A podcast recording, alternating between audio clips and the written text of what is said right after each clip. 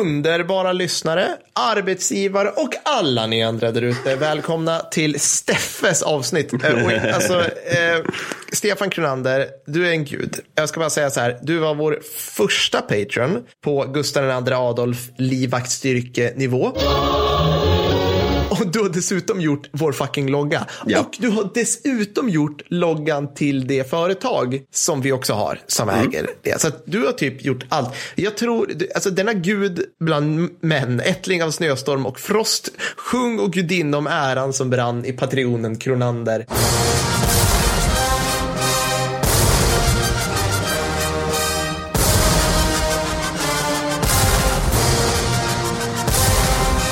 Tror inte det finns någonting du inte kan göra, Steffe. Så tack som fan. Väldigt, väldigt stort tack. Väldigt Ja. stort tack. Det är noterat att det är inte alla som får Per att göra en Iliaden-referens eller? Snyggt att du tog den. Tack så hemskt mycket. Det är det enda jag kan från klassiska verk. Men alltså det är en tung jävla del. Alltså, Det är en bra verken. början. Ja, det, det är- det är, jag, har ofta, ofta gillat det här med liksom att den västerländska litterära kulturen börjar med vrede. Sjung om Ja. vilket vrede som brann. Klart. Och vart har vi hamnat nu, Mattis? Eh, nu vi- är nej. nu är det civilisationsbrand som Genast händer. börjar det där Twitter-raget komma. Ja. Redigare förr. Motherfuckers. Ja. Under antiken var det tydligen redigt. Ja, det- då var det redigare. halvgudar gick bland män. Ja. Äntligen. Nej, så att eh, som sagt, det här är ett eh, korttidsavsnitt som vi gör för Patreons som har varit eh, Gustav II Adolf eh, Patrons i eh, minst sex månader. Japp. Så nu har vi sagt det. Och Stefan, du, eh, du har ju som en bättre diktator helt och hållet bestämt vad det här avsnittet ska handla om. Och vi pratar underrättelser idag. Och jag tycker det är kul för att det är så jävla brett. Vi satt inför det här och bara, vad ska vi, ska vi prata om eh, det där, är det underrättelser? Man är inne på så spiongrejer. Men Ja. vi, vi, vi, jag kan säga så här, du och jag Mattis, vi gick lite till vår, till vår safe space. Vi gick till andra världskriget kan man säga. Ja, och dessutom fuck-ups, vilket är ju vår andra safe space. Som vi Ja. tenderar ju att liksom poängtera det som går fel. Ja, men typ. Så nu står vi stadigt på mark. Och vi ska basha tyskarna den här gången. Så jag kastar mig rakt in i Operation Fortitude. Det här är världshistoriens största haha lurad. För det, det, det här är helt enkelt den sinnessjukt omfattande operationen inför Overlord, alltså landstigningen i Normandie 6 juni 1944. Där man satsade på att lura tyskarna att det skulle ske typ var som helst annars än i just Normandie. Man hade pekat ut två platser framför allt. Det var i Calais, alltså den, och det är rätt logiskt om man tittar. Det är den kortaste vägen över, över Engelska kanalen och typ Nordnorge. Man tyckte så här att man skulle göra på x antal sätt. Och nu går vi igenom det här. Första sättet, man skulle anordna en maskerad. Jajamän. Så man lät en snubbe som var mycket lik britternas fältmarskalk Montgomery att besöka typ Nordafrika och liknande ställen och bara vara allt annat än där han kunde föra befälet över den faktiska invasionen som den faktiska Montgomery gjorde. Det, det, här, det här är en plan som är upp, påhittad av en excentrisk brittisk gentleman. Det hörs lång väg, det stinker. Ja, det. ja, registered trademark där. Jajamensan. Alltså det är så jävla roligt. Och liksom, Nigel man- Littlebottom.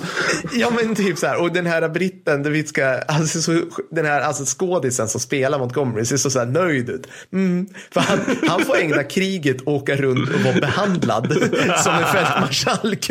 För att det ska ju vara det liksom. Det finns ju värre, värre, värre befattningar under Ja. andra världskriget känner jag. Ja, verkligen. Jag tyckte det var fantastiskt. Och vad man vet så är det liksom att, för vi vet en del hur tyskarna reagerar, så de gick runt och bara så här, alltså vi tror ju inte riktigt på det, men samtidigt det kan ju vara så, så att mm, för det var, det, man satsar mycket på de här, den här operationen Fortitude som, alltså jag orkar inte, alltså de hade hundra separata suboperationer, alla döpta till någonting, Strongbox, Bodyguard, du, du, du, du, du, du, som vanligt liksom. Så de hade det. Sen skulle man också anordna en ballongfest, Mattis. Har Ja, du hört? Alltså, det här är så roligt. Jajamän. Man skapade en helt fiktiv armé, faktiskt två, men den, den största då var FUSAG, vilket är First United States Army Group.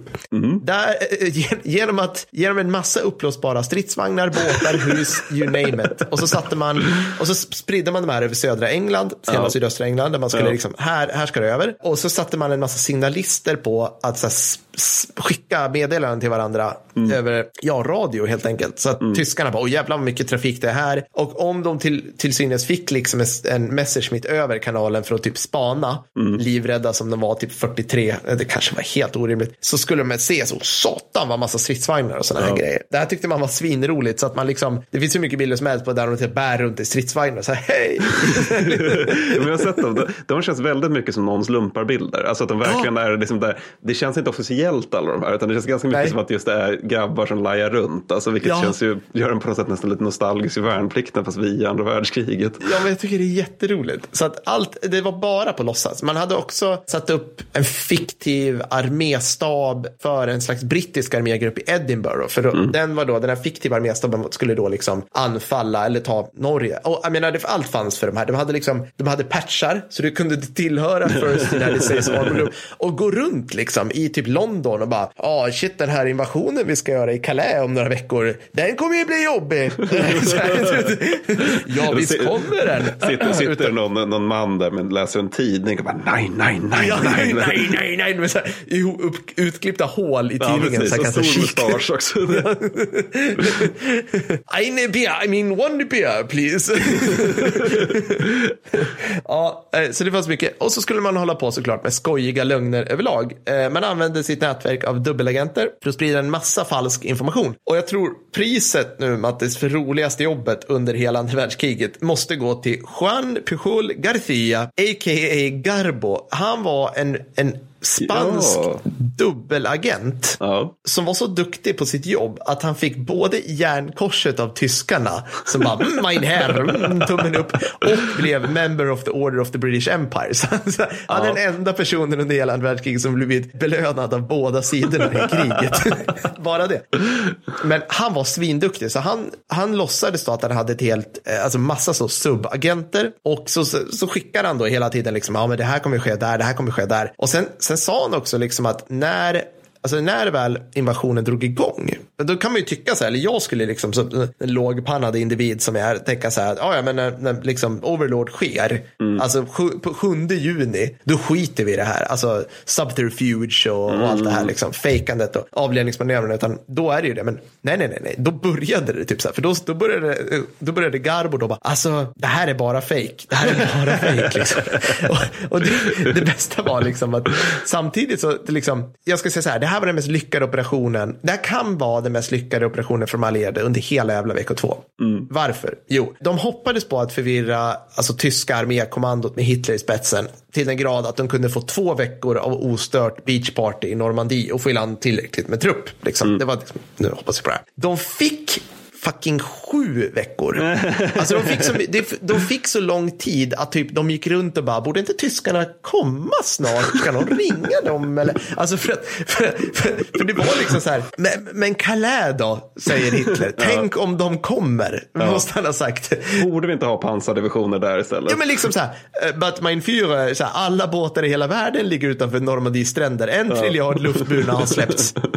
Das amerikanen håller på och bygger scheisse flytande hamnar. Våra jävla kanalen. bådenständiga divisioner har liksom lyckats hålla dem orimligt väl. Men de är liksom, de är färre. Vad ska Ja, vi göra? precis. Dis, das ist eine Schwerpunkt, mein Führer. Och han Ja.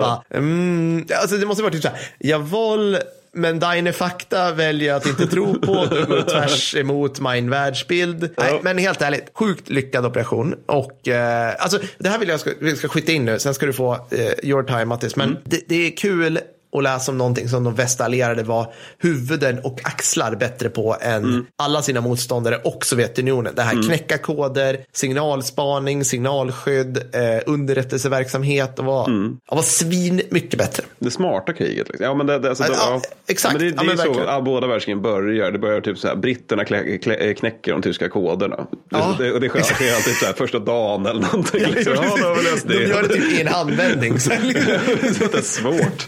Det är så löjligt liksom att det är någon tysk löjtnant som snubblar lite grann och tappar kodboken på väg över Ja. ja. gränsen eller någonting. Alltså det, ja, det, det, där, det, det där är roligt alltså för att som sagt, som vi har konstaterat, tyskarna är ju duktiga på att kriga, Mm. men de är fan inte bra på krig. Och just det här med hur dåliga de är på det här just när det gäller underrättelsetjänst. Mm. det, det, alltså, det, det, på något sätt pronuncieras ju en smula av att vi är ju nu på krigsåret 1944. Du har just Ja. beskrivit liksom inför Normandie. Ja, som de missar, var ska det vara Ja, någonstans? fullständigt. Och vägra tro på alla indikationer i sju veckor. Det är jättelång tid vill jag ha sagt. Så det är väldigt lång tid. Men, eh, nu vill jag då komma då till, till min lilla grej här och det är något annat de missar samma sommar och det är Oh. Operation Bagration. Ja, på östfronten. den där lilla. Ja, den där lilla grejen. Ja. De har liksom just lyckats fucka upp det med att inse vart var Wallis ska komma och sen så bara, ja men ryssarna, de, de... Nej, men det som händer där var det att det sätter igång 22 juni 1944 och då är det så att, det här är bara så, nu kommer siffrorna för Ja. att det är så Åh, äntligen. roligt Det är egentligen. östfronten. Kör. Ja, nej men alltså så här, på, på ena sidan, kan du gissa hur många ryssar det finns på östfronten Alltså, 1944? det finns så sjukt mycket ryssar. Det är typ alla. Ja. Jag tror alla är där. Ja, det har du rätt i. 7,2 miljoner man. Mot detta har tyskarna 2,6 miljoner man. Längs hela fronten. Nein, nein, nein, nein, nein, nein! Alltså jag fattar inte ens varför jag skrattar, men det är ju så löjligt Ja. alltså, med styrkeförhållandena. Och då, då är det också att det här, de här 2,6, det är så kallad tyska iststärke. Och någon dag ska jag gå igenom det där med de olika personalkategorierna. Men i grund och botten är det här en kategorisering som inkluderar sårade, sjuka och permittenter bland annat. Oj. Ja. Och det innebär att man ska alltså dra bort 450, 455 115 man från de där 2,6 miljonerna. Då. Så snarare typ 2,1 Ja, någonstans. Och sen då är det det här med att tyskarna, de, kriget igenom tror de alltid att ryssarna är färre än vad de faktiskt är. Och det Ja. lustiga är att ryssarna tror alltid kriget igenom att tyskarna är fler än vad de faktiskt är. Ja. Och det ska vi också snacka om någon gång varför det är så. Men så tyskarna tror att de har 5 miljoner mot sig, det Mm. vill säga 2 miljoner färre. Och Hitler, han tror också rakt av att, att ryssarna börjar få slut på folk. Mm. Så att det, det, vilket, det är liksom nog sällan jag kommer säga det. Men alltså just i det här fallet så kan man förstå Hitler. För till maj 44 så Sovjetunionen förlorat 21 miljoner man Mm. i stridsförluster. Sen tillkommer sjuka och köldskador och sådär. Så det ryssarna gör då det är att de är så jäkla många att de kan ju slå vart fan de vill över hela fronten egentligen. Det svåraste för tyskarna är i grund och botten att veta var ska de slå. Alltså snarare liksom, vilken ordning ska de anfalla. Så ryssarna sätter 2,5 miljoner, miljoner man i Vitryssland där tyskarna har 690 000 man. Det är en Ja. jävla skillnad i, i Det mängd är helt plötsligt skillnad, ja. Det är också en väldigt stor skillnad i materiell. För det är nämligen så då att ryssarna har 12 gånger så många stridsvagnar. Ja. eh, fem gånger- 5,4 gånger så många artilleripjäser. 10 gånger så många flygplan. Och det ska tilläggas då att i de tyska flygstyrkorna så ingår ju då också typ så strategiskt bombflyg och sånt som inte kommer vara till någon nytta Mm. Nej, när ryssen väl kommer. Så med ett exempel då så har Sovjetunionen 2318 jaktplan. Ja. Ja. Gissa hur många lag Tyskland har. De har, de har Günther, de har Heinz och de har Friedrich. Kan det vara, och sen någon till. Friedrichs du är väldigt kompis nära sanningen. De, de Och har sen- 66 Ja. jaktplan totalt. Det är där, där ska utkämpas. 66. 66 stycken. Ja. Du kan samla dem och så gå och skaka hand. Här liksom, Ja, du nej, men, men exakt. Det, liksom, det, du får ju lätt plats med dem. Alltså, du skulle få plats med dem typ i, ja, men, jag vet inte, alltså på en fotbollsplan och du skulle kunna Ja, se varandra och spela en bra match mot varandra. Ja. och grejen är då, så det här är det ryssarna har bullat upp med Vitryssland. Tyskarna är benhårt övertygade om att Sovjetunionen kommer anfalla i norra Ukraina och södra Polen. Så är det nu, har, har, har man bestämt i Tyskland. Och det, det som är grejen är att vi pratar ju ofta skit om ryssarna, men i det här fallet så är de fan duktiga. För att här uppmanar de också tyskarna att fortsätta tro det. Ja. Och det gör de dels genom att de ger bara tyskarna de und- underrättelser de vill höra. Typ att de bara skickar ut några som får ge sig och säger ja nej men det är för jävligt här i Vitryssland. Vi har typ ingen mat, vi har inga här. Liksom, ni, ah, där nere i Ukraina kommer det säkert hända någonting. Och sen maskerar de också flitigt sina ställningar i vitrustningar och liksom inför så här radiotystnad. Och sen är det också den här grejen, de har luftherravälde över Vit- Vitryssland. Vilket Just gör att liksom, tysk flygspaning det är ju någonting man kan drömma om i grund och botten. Och det här leder den här lilla, lilla lustigheten att alltså, tyska lokala chefer de är ändå så här att de, de tittar i kikaren och bara okej alltså de har ju maskerat sig men det är fortfarande liksom så här jag ser ju fem chockarméer som Ja. står där med alla sina vagnar. Liksom. Det, det, jag tror det kommer hända någonting här Mindfria.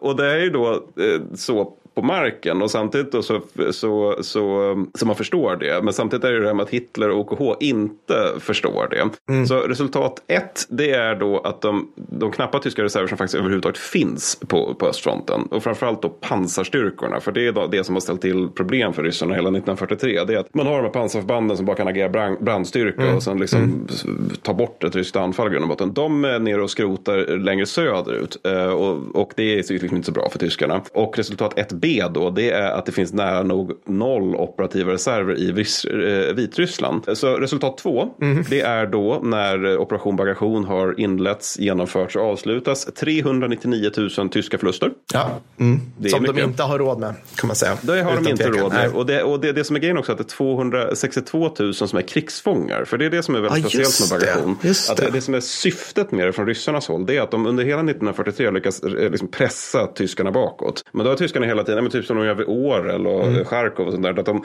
de pressas bakåt men de samtidigt retirerar i god ordning. De flesta är sårade av deras förluster vilket innebär att typ, så att två tredjedelar kommer sen kunna sättas i uniform igen. Mm. Och det där gillar inte ryssarna utan de vill liksom ha en stor fin inringning. Vi förintar förband egentligen. Det är det. Precis, alltså det ska bara bort liksom. Och det bästa sättet är ju då antingen att döda eller tillfångata. Och de hjälps dessutom av Hitler till- det här då. Som Hitler utnämner så lite random Just det. städer i Vitryssland till. Det här är fästningar. Inte ett steg bakåt. Nej, precis. Nej.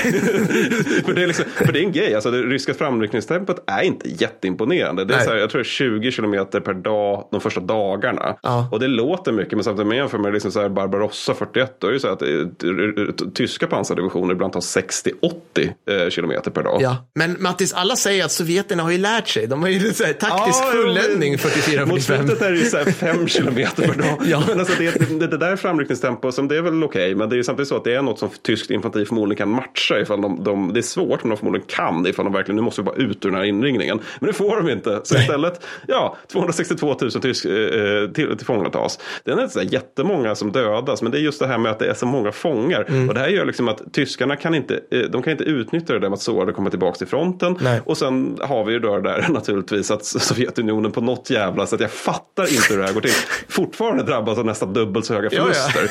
Eh, Och, det, och det förstår man ju inte hur det är som möjligt. Liksom. Vi har tio gånger så många stridsvagnar. Vad är det ni vill ha liksom, för att ni inte ska bara förlora alla? Men samtidigt till deras försvar, de kan ta de förlusterna. Mm. För att de har som sagt 7,2 miljoner man att ta av. Medan tyskarna inte det. Och resultat tre av allt det här, det är att ar- armégrupp mitt i praktiken upphör att existera som, som, som fenomen Mm. eh, på sommaren 1944. Och det i sin tur gör att det börjar bli lite kämpigt för tyskarna så där till Mm. hösten. Så att det var deras andra underrättelsefuck på en sommar under ett krigsår. Och Alltså inget av det var så bra. sommar för lag Tyskland. Jävla slitet. Ja. Jäkla stökigt det där. Alltså. Sjukt stökigt. Nej, så att, eh, och jag menar, bara, bara en sån här grej, alltså, det här är väl också liksom att det är nu vi ska dra spaningen, Hitler var inte så smart. det, är nu, det är nu vi sparkar in den. Men liksom, jag, jag har ju läst någonstans att han, han, vill ju, han behöll ju typ 300 000 man i Norge till typ Mm. krigsslutet. För han bara, de kan komma, vi har Mein Führer, de är i, i liksom Kreuzberg nu. Så, så, de är här.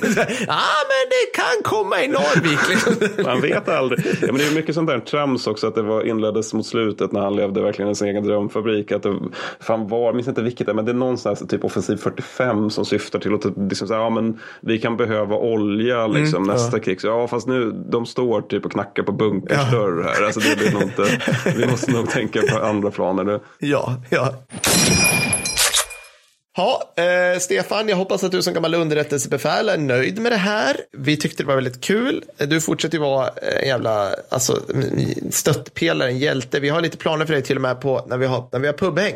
När vi har det. Och det ska Ja. vi försöka ha snart, va, Mattis? Ja, De har släppt på alla... Ja, de har ju det. Kina-pesten är inte över, men, men vi låtsas som det, typ. Eller något. Ja, jag, är fattar inte riktigt hur det funkar. Men, men, men, men får vi så får vi. Och tanken är Ja. väl att vi ska sikta på det här någonstans mitten av hösten där någonstans. Ja. Vi ska ju spela hoj först. Det ska, vi, det ska bli awesome. Missa inte det. Vi finns på Twitch och sådär. Ni kommer inte, ja, vi, vi skriker ut det i sociala medier eh, som, som, en, som en kärleksfrän Konrad eh, Ja. när det börjar daga sig. Kul hörni. Tack för det här Mattis. Tack för det Per. Vi hörs sen. Det gör vi. Bra. Och tack Stefan. Tack Stefan.